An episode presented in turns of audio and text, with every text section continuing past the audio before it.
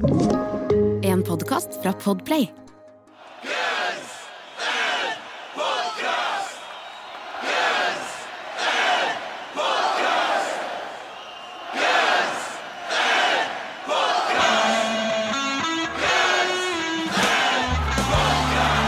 Velkommen til enda en episode av Guns and Podcast. Verdens eneste norskspråklige podkast om Guns N' Roses og bryter ned diskografien låt for låt, tror jeg. Ja. Vi vet jo ikke, vi har ikke gjort eh, Vi har ikke gjort noen kvalitative undersøkelser på det, eller kvantitative, men vi tror nå det. Det er i hvert fall, det, er hvert det kan vi si helt sikkert, det er i hvert fall verdens eneste Guns N' Roses-podkast med to rogalendinger. Jeg er ganske sikker på det. Ja. Jeg er Jørn Kårstad. Jeg er Erik Eikholt. Og vi digger Guns N' Roses. Vi elsker Guns N' Roses, vil jeg si. Vi gjør det. vi gjør det Og vi tar låt for låt. Låt for er mye låt. å ta av. Det er mye å ta av, og heldigvis med et band som Gunsen, vil jeg si, um, så er det veldig mye bra å ta av. Det er ikke så mye fillers. Noen onde tunger vil kanskje hevde at de fillersene kom i 2008. Uh, det vil ikke jeg. Jeg vil si at uh, for det meste så er det en fryd å gå gjennom diskografien til Gunsen. Det er det, og noen enda ondere tunger vil nok påstå at noen fillers er på Use Solution-albumene. Ja, det Altså, det er nå, nå åpner du opp et vepsebol her, for det er noe som gjør meg satans forbanna. Jeg ser det på deg, Ja, men i sommer så ble jo eh, Appetite 33 år, og da tok Pitchfork som jeg for så vidt ikke er spesielt enig i. Men akkurat det tilfellet var jeg enig i, for de ga- en ganske god karakter. Men de la ut den igjen, anmeldelsen der, altså Appetite for Destruction, og da var kommentarfeltet fullt i sånne folk sånn Yes, the last good album they ever made. Og så kommer alltid en sånn nisse sånn If you put Youth Solution 1 and 2 together, then you have one good album. Det er feil. Det er den siste fake newsen som har vært eh, noensinne. Det er god damn ignorance av folk som ikke har hørt på det. De har sagt sånn 'Å, jeg liker rockerne på Appetite for Destruction'. Å, hva er dette her? Piano? Jeg gidder ikke høre på det. Jeg gidder ikke ta inn over meg genialiteten til det bandet. Ok, skal ikke, vi skal ikke starte en hel greie her, men akkurat det annoyer meg noe satans mye. Det, ja, vi, det, vi, vi liker ikke det, noen av oss. Eh, Nei, det gjør vi ikke. Det gjør vi ikke. Jeg digger alle Gunsen-platene. Ja. Og liksom For å illustrere det litt, eller jeg vet ikke om dette her er en, en låt som folk kaller liksom, Det er ikke en av de mest kjente låtene vi skal gå gjennom i dag, da, men det er en Use Solution-låt. Det er Use Illusion-låt. Det er åpneren av hele Use Illusion-fanfaren. Den åpner Use Illusion 1, og det er ingen ringere enn Right Next Door to Hell. Og det som er så gøy med den låta der, er hvis du var intetanende og eide Appetite for Destruction og Gina Lice, ehm, og bare så for deg at guttene skulle sette i gang med enda en rockeplate null, null stopp, så tenker du det når du hører de første tre minuttene av den plata. Du tenker det. Yes, her får jeg en ny Night Train. En ny uh, Out to Get Me. Så tenker du at nå får jeg 29 sånne, tenker du. Ja, og så kommer Dustin Bones rett etterpå. He loves this man. Men Right Next Door to Hell er jo en um, Det er jo en sånn fascinerende type låt, fordi altså, Axel er jo ikke fremmed med å dedisere låter til folk han har havna i problemer med opp gjennom åra. Det er bare litt sånn rart å gjøre det når du er verdens største rockeband og hater naboen din. For det er jo der det kommer fra. Eh, Axel Rose eh, krangla jo med naboen sin Gabrielle Cantor eh, opp gjennom åra. Ifølge han var jo en crazy groupie eh, som hele tida ville henge med han, og han var seg sjøl. Uskyldig Axel Rose, bodde i Hollywood der 28 år, ville leve livet sitt, men hun Hadde ikke lyst til å være med. Hadde ikke lyst til å være med hun. Eh, og det det eskalerer i, det er jo at 30. oktober 1990 eh, så blir han politianmeldt, og, og rett og slett liksom accused of assault with a deadly weapon. Og det som det er snakk om da, er er rett og slett Han slo i hodet med vinflaske. Jeg mener det var hvitvinsflaske. Chardonnay, det var hennes flaske. Så han allegedly skal ha helt ut. Så slått hun i hodet, tatt nøklene hennes, kasta de ut. Og så òg, ifølge enkelte kilder, slått hun i hodet med en kylling. Sto ingenting om han var fryst eller eh, tint. Nei. eh, nei. Og så du må si sånn Ok, bakteriegreien er en ting, men hvis han er tint, så er det ikke så vondt. Eh, Samtidig så ser jeg jo for meg at en sint Axl Rose kan ta det han har i nærheten, og bare slenge fra seg det. Jeg ser for meg også at han likte godt kylling. Jeg vet også at han var veldig glad i Big Mac når de turnerte. Okay. Det er ikke kylling i det, da, men at han liksom, han liksom Jeg vet ikke. Men det som skjer, i hvert fall, han blir arrestert da, og så betaler han eh, kausjon på 5000 dollar, som er vel roughly 50 000 eh, kroner. Um, og ja. Det blir en rettssak og hele suppa, gjør det ikke? Det gjør det, eh, men det som skjer etter hvert er jo han snakker om at hun opp gjennom åra, helt siden 1989, har harassa han siden januar 1989. Eh, så har hun på kveldene hele tida eh, kommet innom og bare vært drunk i, i, gangen der siden han kjøpte den leiligheten på, på Sunset Strip, eller nord for Sunset Strip, så har hun plaga han. Eh, og så sier han òg til det er vel til LA Times at det er veldig weird, fordi hun spiller musikken hans hele tida. Um, og Han kaller henne en stalker, gjør han ikke det? Ja. Rett og slett. Han sier jo det at det som skjer den kvelden, er at hun bare hele tida er sur for han ikke vil henge med henne. Hvor han, på han roper 'hold kjeft', og så eskalerer det. Han tar nøklene, kaster de, slår henne allegedly i hodet med denne eh, vinflasker. Men det som er at saken ble jo henlagt, og de sier at de finner jo ingen bevis for at han skal ha slått hun. Hun sier jo òg i ettertid i intervjuer at hun leid av PTSD etter denne eventen og, og greier. Det er, det er mange som gjør det, i LA. Det er nok det. Men han ble i hvert fall frikjent for dette her. Um, Jeg tror hun fikk uh, restraining order, gjorde ikke det? Jo, hun gjorde det. Ja, ja. Så her på denne tidspunktet var, var jo retten på Axel Rose side.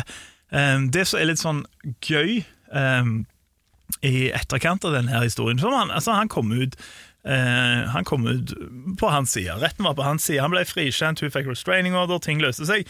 Men, men eh, det er ingen tvil om at det har skjedd litt greier opp igjennom i det leilighetskomplekset han flytta inn. Fordi eh, Alan Niven, eh, Guns N' tidlige manager, betalte jo en, en fra Midtøsten, ifølge eh, Lester the Giants. Han betalte han 1000 dollar i måneden, mener jeg, altså roughly 10 000 kroner, for å holde øye med hva som skjedde eh, med godeste Axel Rose. Og ifølge Nivens fikk han veldig ofte telefoner fra denne karen der han var helt fra seg eh, om hva som skjedde. Blant annet, han forteller liksom, Han ringer meg en dag, og da er han liksom helt ville og sier He's fucking crazy. I don't want your money. Fuck you. Og så sier Niven da sånn, Ro deg ned, hva skjedde? Bare sånn, He crazy, skriver han. og så sier Niven Yeah, I know, but what happened? Og da skal han visstnok ha kasta Aaron Everly, som han var sammen med på den tida, han var gift med på den tida, sin Halliburt-koffert ut av vinduet. Altså, og det er 24, Han bodde på 24. etasje, 24 etasjen der, og så nesten treffer han en fyr. Eh, og så sier han at han har drept han hvis han hadde truffet han. Eh, og Ellen Niven syns det er hilarious, og så sier han ja, ja, greit det, ok. Og så liksom legger han på, og så fikk han hele tida, og så en annen gang så ringer han, eh, og da er det sånn Du må komme her. Bare sånn, ja, hva har skjedd? Nei, Axel har tatt pianoet sitt og dytta det ut vinduet av leiligheten. Og så sier han I mean this shit. I wasn't trained this. like I'm calling crane companies, right? To come get this piano out of the fucking weeds down below the home. It was brilliant, man. Så det, det er ingen tvil om at Ok, kanskje Gabriel Cantor var litt uh, wacky, men jeg tror ganske mange av de naboene der har slitt litt opp gjennom åra. Ja, det er to sider av hver historie. Så Ja, det er tenker jo at Niven hadde jo en han, man, han var manager for bandet. Det er nok en 200% stilling å passe på Axel Rose, i tillegg til det som han outsourcer til naboen. Ja, ja. Um, Og det jo, skal jo også sies at Niven er jo, er jo han som i mange år prøvde personlig, han og kona, å, få Slash eh, off av heroin. Hadde han hjemme passa på han, han spydde og dreit på seg, ifølge Niven. da. Eh, Og liksom alt dette her i tillegg til at, han må, at Axel klikker hele tida. Og Axel hater han jo òg! Så det er jo liksom sånn Han hater han også, men så var det på en eller annen måte Så hadde han litt sånn eh, Han hadde en han, Altså, du, du er ikke manager for Guns Roses hvis Axl Rose vil ha deg vekk, på en måte. Ikke sant? Det var en eller annen det var et eller annet forhold der på en eller annen måte, tror jeg, som gjorde at, eh, som gjorde at han fikk bli såpass lenge som han fikk bli. da. Ja, og der er det jo litt sånn forskjellige eh, greier, fordi mange vil jo ha det til at eh, han ville sparke han hver uke. Og så sier Dog Goldstein, som etter hvert var en mann som tok over, han sier, og det vet jeg ikke hvor mye vi skal tro på, men han sier jo at han alltid snakket ned fra det. Og som veldig ofte var det også Slash og Duff som sa sånn Nei, vi digger jo Niven. Helt til ett punkt der han ryker. Men det er en helt annen Ja, historie. nei, det, han røyk til slutt, det er helt sikkert. han har i hvert fall jobba hardt. Han har jobba hardt på De hadde jo en liten sånn uh, 89 en oppvarmingsrunde, tre konserter i LA for uh, Rolling Stones. Uh, og publikum i LA er relativt klar for å se Guns Roses på en stor, eh, stor scene. Og, Men Axel Rose har ikke så lyst. Nei, han, har, en, han var deprimert, og det Ja. trøbbel med hun Everly som det var hele tiden. Det var ofte det. det var røft. Så Niven Jeg tror det var Niven som uh, finner en bekjent i LAPD og sier sånn Du har du en sånn no bullshit-guy som Ja, kan ja. gå ut og fikse ting? Eh, og han gir han nummeret til en eller annen politi, da, som eh, politi sånn sent 80-tall, tidlig 90-tall LA. Det var um, harde typer. Mm. Og sa basically til han at eh, eh, hvis ikke X-Rose kommer, så tror jeg jeg er redd for at det blir riot. Um, kan dere gå og dra og hente han? Så dro, da dro han med sånn type SWAT-aktig aktig team til leiligheten, den, den eh, berømte leiligheten, Ja, ja. og, og basically dro X-Rose ut av uh, altså Jeg tror ikke de dro han fysisk, for jeg tror det, holdt å si at uh, nå må du faktisk komme. Og endte opp med at uh, spilte han i hvert fall konserten. Jeg tror han stoppet midt i og sa at det er altfor mange som danser litt med Mr. Brownstone i dette Ja, bandet, så nå, nå gir vi oss hvis ikke noen skjerper seg.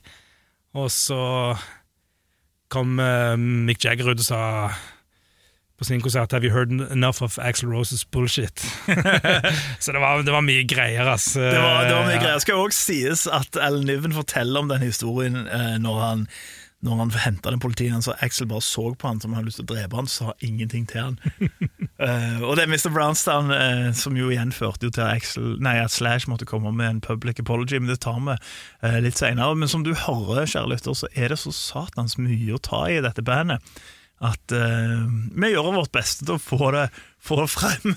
vi har jo egentlig lyst til å bare sitte her i mange mange timer og fortelle alt, men vi prøver nå å gjøre det litt sånn Litt sånn låt for låt. Låt for låt.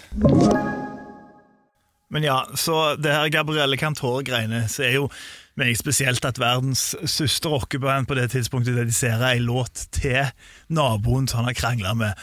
Eh, Og det kan jo være at det er resultatet at det ble såpass mye PR eller media rundt at det ble det, men teksten handler jo ikke utelukkende om eh, godeste Gabrielle Cantor. Nei, det var vel litt sånn at Axel hadde, hadde noen vers og mangla noen refreng. Ja. Eh, og så satt han der, og så holdt hun på å gnåle eller et eller annet, og så plutselig så Right Next Door to Hell, så, så kom liksom det, og så ble det et refreng i seg sjøl. Så handler liksom sangen Som Axel Rose sier, at han prøvde å se liksom livet litt ut ifra Steven Adler sitt perspektiv, på en eller annen måte. da, ikke sant? Ja.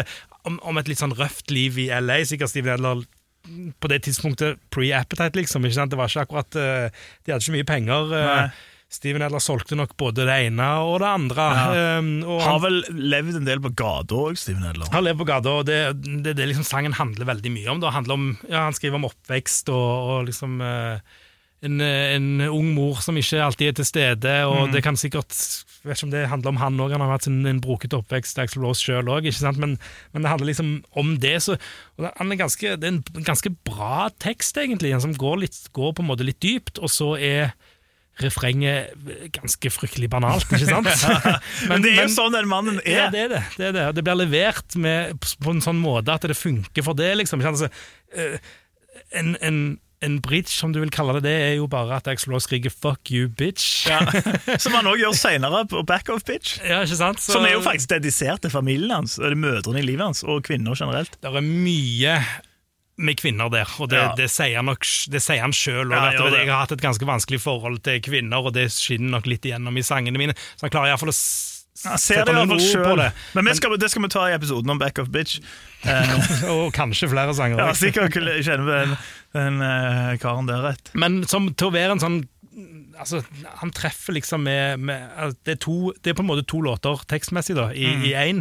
Det funker sammen på en eller annen måte, og det er det banale, og det er det ganske litt sånn dype, fine greiene. Så, så, så anbefaler folk å sette seg ned og sjekke ut den teksten. Altså. Ja, absolutt. Tror du han fikk noe inspirasjon fra komiker Richard Lewis, eh, som visstnok sier at han har eh, oppfunnet uttrykket 'the neighbor from hell', 'the mother-in-law from hell'. Eh, tror du Axel har fått med seg dette? Dette har han fått med seg, garantert. Det er jo veldig gøy, fordi han er jo lite sidespor, men Cubber Enthusiasm med Larry David og Richard Lewis med, for de er jo som buddy. Og da snakker de om dette her, at han bare sånn der Det er en eller annen de sitter ved sida av på en eller annen sånn kafé, spiser en sandwich, og så sier han et eller annet sånn at har bla, bla, bla, et eller annet from hell. Og så begynner Larry Ja, det var han som fant opp det uttrykket. Så det er en sånn svær greie om at Richard Lewis hadde blitt kreditert for det. Eh, og så googla jeg det. Og det stemmer. Han mener sjøl at han fant opp The Neighbor from Hell, og at ingen har kreditert ham for det, men det står i et eller annet dictionary. Men sånn som han snakket om Gunsen, som er ganske sånn uh, snille med krediteringene, så burde han jo fått krediteringen, da, hvis det faktisk uh, ja. Hvis det stemmer, men så er det andre som sier det uttrykket har vært siden 1800-tallet, så jeg vet ikke jeg. Men uansett. Den låten kom han, ja, Det er jo en, av disse andre låtene som har ligget veldig lenge. da mm, Dette her er en sånn pre-appetite-låt. Um, sånn som mange andre er. Eh, og, og det har faktisk en litt artig um, ja, En litt eh, annen konstellasjon av songwriters på denne enn det er på noen andre sanger. Eh, det er Issy og X-Rose som har skrevet mange sanger. Mye. Og så er det en fyr som heter Timo Kaltia. Ja. Og som du sikkert hører, så er han finsk. Ja, Det er han som faktisk danna Nightwish mange år senere. Det, det er han, han vokalisten i Nightwish, er ikke det? Ja. Nei, men han spilte Altså, hvis du er mm, Hvis du er mm, finsk og spiller rock'n'roll, så har du spilt i Eller jobba med Da har du mest sannsynlig på det tidspunktet vært innom Hanoi Rocks. Det har du, ja. Så de satt på en sofa et eller annet sted, og Hissy likte det riffet han spilte, tror jeg, og, og sa 'kan jeg ta det?' Og det, da, sa, da sa han godeste Timo 'ja, det kan du gjøre', og mange år seinere så finansierte det et hus i London. det gjorde det. De, er, de er liberale med songwriting creditsene. De gir til de som på en måte har bidratt bare bitte litt her og der. Så det er jo, Ja, men, det er jo, det er jo litt av det Axel sin greie. For det er ikke så ofte Issy gjorde det. Issy hadde jo gjerne ferdig låter når han kom inn, eh, typ til Usual Illusion og sånne ting. Mens Axel hadde jo en sånn eh, tendens til å skrive med disse buddiesene fra Indiana, blant annet sånn Paul Tobias etter hvert joina band og West Arkeen og sånn shit. Men Issy gjorde ikke så ofte det, så det er jo litt sånn veldig gøy fun fact. Det er det, ja. Det, han fikk, eh, det er godt å se at han fikk hjelp av og til. Han er jo kanskje sett på som den liksom, ultimate songwriteren i Guns Roses-historien. Det er Det er liksom litt sånn at å nei, det er ikke noe gøy når Izzy Stradlin ikke skriver sanger lenger. og sånn. Jeg er jo ikke enig i den heller, men, men eh, Men han var jo en, en eh, veldig viktig bidragsyter og skrev jo veldig mye på et punkt. Eh, og så kom jo Usual Illusion, eh, og det er en helt annen story, men disse her låtene til Issy til Usual Illusion, der han kommer med sånn firespors demo og pretty much er sånn Ja, det er ferdig. Er liksom, jeg har ikke tenkt å jobbe noe mer med dem, jeg har skrevet disse låtene. Eh, sånn skal det være. Men eh, det var jo ikke Axel så fan i. Men musikalsk så er jo Right Next Door to Hell, som vi snakket om, det er jo fortsatt, fortsettet der Appetite slapp. han kunne vært med på Appetite. Jeg det kunne fint det. Så det, ja, det er beinhardt rett fram. Det, Og det, og det er så, så kongeåpning av ei plate òg, vil jeg si. Spesielt i sånne plater som uh, Usual Illusion 1, som inneholder liksom Don't Cry og November Rain og Coma, og sånne svære, tunge epos.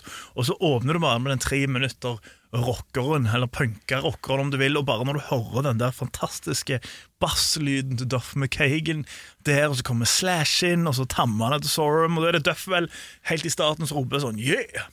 Og så kommer Axel inn som en sånn illsint ilder. Eh, Så det er jo en sånn Og det, viser Og det, det som er litt sånn gøy med det der, for i min bok så er Right Next to the Hell en fantastisk rockelåt. Det er en sånn perfekt eh, treminutts rocker som Gunsen har gjort så mange ganger. Men Axel, på en måte, han så på dette her mer som en slags sånn full. Han var jo kun opptatt av November Rain, Don't Cry, Estrange og disse her. Så han var sånn, ja, så har vi noen sånne rockere, liksom sånn som Easy og Slasher. Og det er så gøy med et band som bare kan kaste ut det på måfå, virker det som. Ja, det virker litt sånn. Det virker som at dette er- Ja, dette er- De delte vel litt inn. ikke sant? Altså, På Appetite så skrev de mange sanger eh, sammen. ikke sant? Altså, Issi hadde ei linje, og så kom Axel med noe vokal, og sånn, og så kom noen med ei vokallinje her og der. og til en viss grad så er det jo sånn på Use Solution, for det er skrev i noen, noen samme tidspunkt òg, men, men, eh, men jeg tror det var mer sånn at eh, Litt sånn som du sa, Issy kommer med noen ferdige sanger, Axel kommer med noen ferdige sanger, Slash kommer med noen ferdige sanger. Og i stedet for, De var kloke nok til ikke å krangle om det, da. Så de sa vi lager to album. Så det, det var jo eh, De jobbet nå hardt med det, men, men de fikk liksom alle, jeg tror alle fikk med det de ville ha med. da. Eh, Og, det, og du skulle jo tro at det kanskje gjorde det til et mer ufokusert liksom, albumprosjekt totalt, eh, men, men, Vi syns jo ikke det. Jeg syns ikke det i det, i det hele tatt. Jeg syns Illusion 1 og 2 bare viser Det viser jo at det var på de årene Uh, ja, fra Appetite til de kom ut, at det var den kreative høyborgen. Alt de tok i, ble jo gull. Men de, de, eh, de hadde mm, de, de hadde mange låter hver, og det, og det albumet er liksom Det er derfor det er to album, men det, det er bra, da. Det er, det er knallbra. Men det, det som jeg ikke helt forstår, er jo For jeg syns jo uh, Right Next Door to Hell er en, er en Guns N' Rocker helt, helt der oppe eh, med mange av de andre. Og så blir han ikke spilt live. Han blir ikke spilt live. Han har spilt ni ganger, og det tror jeg samtlige For noen kommer og arresterer oss. eh, Samtlige ni ganger tror jeg er før Use Illusion kom ut, eller i hvert fall helt sånn i akkurat det, det den tidsperioden der. da. Ja. De, hadde en ganske sånn, de hadde en ganske stor USA-turné før albumet kom ut, faktisk, hvor de spilte mange av disse sangene. Ja, for det, eh, ble jo, det skulle jo egentlig ut tidligere, men den mikseprosessen tok jo en evighet. Eh, men det som overrasker meg, fordi at rett etter altså den Usual Lution-turneen er jo den svære der de har Teddy Zigzag, og de har eh, korister, og han får, Axel får gjøre alt det han kan. Men så punkt så koster jo det såpass mye at bandet ender nesten opp med å tape, og det er jo litt pga. curfews og greier. Men da kommer jo den Dust Bones-turneen, der det er liksom sånn som Slash ville ha det. Uten alt det her fiksfakseriet, der det er bandet og Dizzie Reed. Uh, og da er det veldig overraskende at de ikke spiller Right Next Door to Hell. De kunne fort gjort det, men de, de, de streamlina showet ganske mye mer på den turneen der. Det, det var da de var på Val Hovin i Oslo i 93, det var Dustin Bones-turneen. Og da kutter de ned antall sanger og har en mye fastere struktur da enn det de hadde før i de, på Use Illusion-turneen, faktisk. For da tror de, jeg tror det var litt mer sånn ok, nå skal vi bare gå og gjøre jobben og Ja. ta en rake enn disse pengene, og så Ja, for det er, jo, det er jo akkurat det den turneen er. At eh, ok, vi har endt opp i en sånn uh, De recooper vel ikke den turneen, den første der, altså den svære Illusion-turneen, på sånn to år. Til tross for at de skjemte så satans mye, for de hadde jo så mye satans greier, og, og disse backstage-showene ble større og større. Liksom. Så jeg tror den, den er en slags money grab, den Dustin Bones. Men for Slash tror jeg det er en ganske lykkelig tid i det at han For han har jo noia seg over koristene og alt det der greiene. keyboardfolk og alt i sammen. Så ja da, det, nå, han, fikk- han fikk ikke kastet de siden han var med på den turneen, men, men, uh men det var helt klart en sånn Det var helt klart noe kompromiss inne i bildet deres, og, og det reflekterte nok settlisten. Altså, jeg tror De spilte Dead Horse på Ja. Hovin. Det var nok den mest sånn, spennende sangen de spilte, bortsett fra liksom, hits. Og, det, Ja. var, det var rent hits. Det var Double Talking Jive og Dead Horse. Liksom, og Double Talking Jive spilte de for så vidt alltid. Så, så, så det var ikke Og det, ja, det var, det var Dustin Bones på alle måter, egentlig. Mm. Det var ikke storskjermer heller, husker jeg. Så du sto bak der, langt bak, 13 år gammel, så ikke en dritt. Ingen storskjermer. Du hørte lyden? Ja, hørte lyden, det gjør jeg absolutt. Ja. Men, men altså, jeg, jeg forstår det til en viss grad. De har jo en, eh, en diskografi ganske mye bedre enn de fleste. Sånn, hvis du skal veie det opp mot f.eks. You Could Be Mine, som er en sånn rocker, som er en helt fantastisk låt. Night Train, eh, klassiker. altså Det er såpass mye. Jeg bare skulle trodd at det at den er bare tre minutter De har jo ikke så mange jækla korte låter. sant? Men hvis du skal velge 19 sanger, så velger du kanskje ikke Right Next Door to Hell. Liksom. Det, er vel kanskje, det vel kanskje det, da. Ja. Men samtidig òg de hadde Altså, jo for en sånn, meg, for ja, altså for meg så skulle jeg veldig, veldig gjerne at de hadde spilt det, men også, de hadde jo en slags sånn eh, eh, På et eller annet punkt som jo gjorde det litt sånn vanskelig når de skulle ha pyro og greier. Og for bandet, det er jo at Axel på et punkt Han var jo ikke glad i settlister, så han kunne jo rope ut random greier. De, de sier vel egentlig at på hele Use Illusion-turneen så hadde de ikke settlister. Nei, de sier jo det, Eh. og at det gjorde det jækla vanskelig. Som jeg forstår. Eh, da hadde det ikke funka med en Steven Adler, for å si det sånn. Nei, det, altså, det fikk vi jo den beviset på på den her som snakket om sist gang, med Ja. Down on the Farm uh, og alt det der greiene der. ikke sant? At det, det, det funka ikke alltid like bra. Uh, men, uh, men det er jo en jævla kul måte å gjøre det på, da, syns jeg. Jeg er kjempeglad i litt sånn spontanitet, og noen ganger så, så går det litt skeis, men, men når det sitter, så sitter det jo noe inni i granskauen, ikke sant? Ja. Mens du har andre band uh, sant, type på den tiden da, Metallica, som spilte den samme settlisten i nesten tre år, noen få modifikasjoner, men i hvert fall i månedsvis i strekk, liksom, som, gjør, som gjør det utrolig tight, ikke sant, og gjør det jævlig bra, da, og du ser det jo du ser jo ikke mange konserter, som regel så veldig mange, så, så det funker jo det òg. Men, men der, når det liksom funka for Gunsen, da, når, han, når, Rose, når, når alle var på lag, da, så var det jo så var det noe eget. Det var det. Og dessverre bare ni ganger Right Next Door to Hell. Men i min bok en bunnsolid eh, Guns N'-låt. Eh, Overraska over at eh, For i min Altså, Jeg har alltid sett på den Right Next Door to Hell som en som er helt der oppe med de andre rockerne. Så det at eh, vanlige folk, holdt på å si, vanlige folk, men liksom sånn mannen i gata kjenner ikke til Right Next Door to Hell.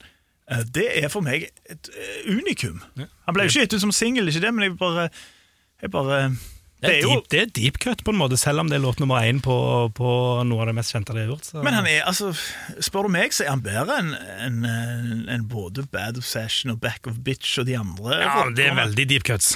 Ja, ok, kanskje. Uh, men i hvert fall, Right Next Door to Hell, hva gjør man? Uh, han når jo ikke helt opp i min bok. Uh, han, han, han er en rocker, han, er en jævla bra rocker, ass. Han får en syver av meg. Syv av ti? Syv av ti. Ja. Det, det, det, det, vil vil kalle en, en, en god firer. En sterk firer, på grensen til fem. ja, en sterk firer Ja. på terningkast på terningen. Mm. Jeg velger å gi en femmer. Jeg gir åtte av ti. Eh, Og det kan være at jeg burde vært eh, snillere, fordi vi skal jo tross alt gjennom omtrent 100 låter. Eh, nesten, i hvert fall. Ja, vi må jo si at eh, dette er jo på en måte Guns Roses-skalaen. ikke sant? Ja. Altså, altså, Alle andre sanger ligger kanskje den beste ligger på en kanskje en femmer toppen. Ja, ja, ja, nei, nei, ikke helt, men, men det er iallfall jeg er streng nå. Jeg er streng. Eh, Jeg, jeg kjenner det. Jeg kjenner. Du ga- var én høyere enn meg sist gang òg. Det gjør litt vondt. må kanskje Jo, men jeg er jo generelt en mer en glasset halvfullt person enn deg. Ja, det er det vel ingen tvil om. det er det ingen tvil om. Men, uh, men jeg, jeg ble jo litt usikker òg, for jeg vet jo Vi skal jo innom You Could Be Mine, som jeg ser på som den beste rockeren de noen gang har. Oh, det blir en interessant episode. men liksom, Det blir spennende, jeg jeg har jo Night. Train høyere òg, så jeg tenker er jeg for snill nå? Uh, men jeg tror jeg står ved en 8 av 10, for jeg alltid nøter Right Next Order Hell. Jeg syns det er en perfekt måte åpne ei plate. Jeg elsker bassen til Duff som åpner det. Jeg elsker at han er liksom en sånn krakilske greier, og Axel er pissed off. og og greia. Jeg syns bare det er en bra åpner på plater. Så syns jeg det er helt fantastisk at de velger etterpå å bare gå rett inn på Dustin Bones, country western-rockeren til Issy, og så inn i en coverlåt. Så en inncover, og så inn i Don't Cry, tror Ja, jeg. Så det er liksom eh, litt det- av en liste. Det. Det er litt av en eh, sequencing på den plata, men jeg bare syns Right Next Door to Hell er jævla bra åpner, og en, en fin lureri til alle som vil ha appetite. Jeg kjenner at jeg angrer. Jeg kommer ikke til å sove godt i kveld. altså. Jeg kjenner at ja, ja, Men jeg får nå stå for det jeg sa, da. Stå for syv. Du vil ikke endre? Nå snakker jeg deg jo Nå snakker jeg jo opp, det er ikke meninga, det. Du snakker meg opp, du Ja. gjør jo på en måte det, men uh, jeg står for syv av ti, og så får vi gå tilbake og så får vi se på det etterpå. For å revidere det. Det, eller sånt. ja, ja, det, er jo, det er jo ofte en vil det. Men uh, jeg står for min åtte av ti, og nå, kjære lytter, takk for at du har hørt på Gunsen podcast. Vi er tilbake oss neste uke, og nå skal du få nyte den i sin helhet og gjøre din egen mening. Dette er Guns N' Roses for Usual Illusion 1, Right Next Door to Hell. Well,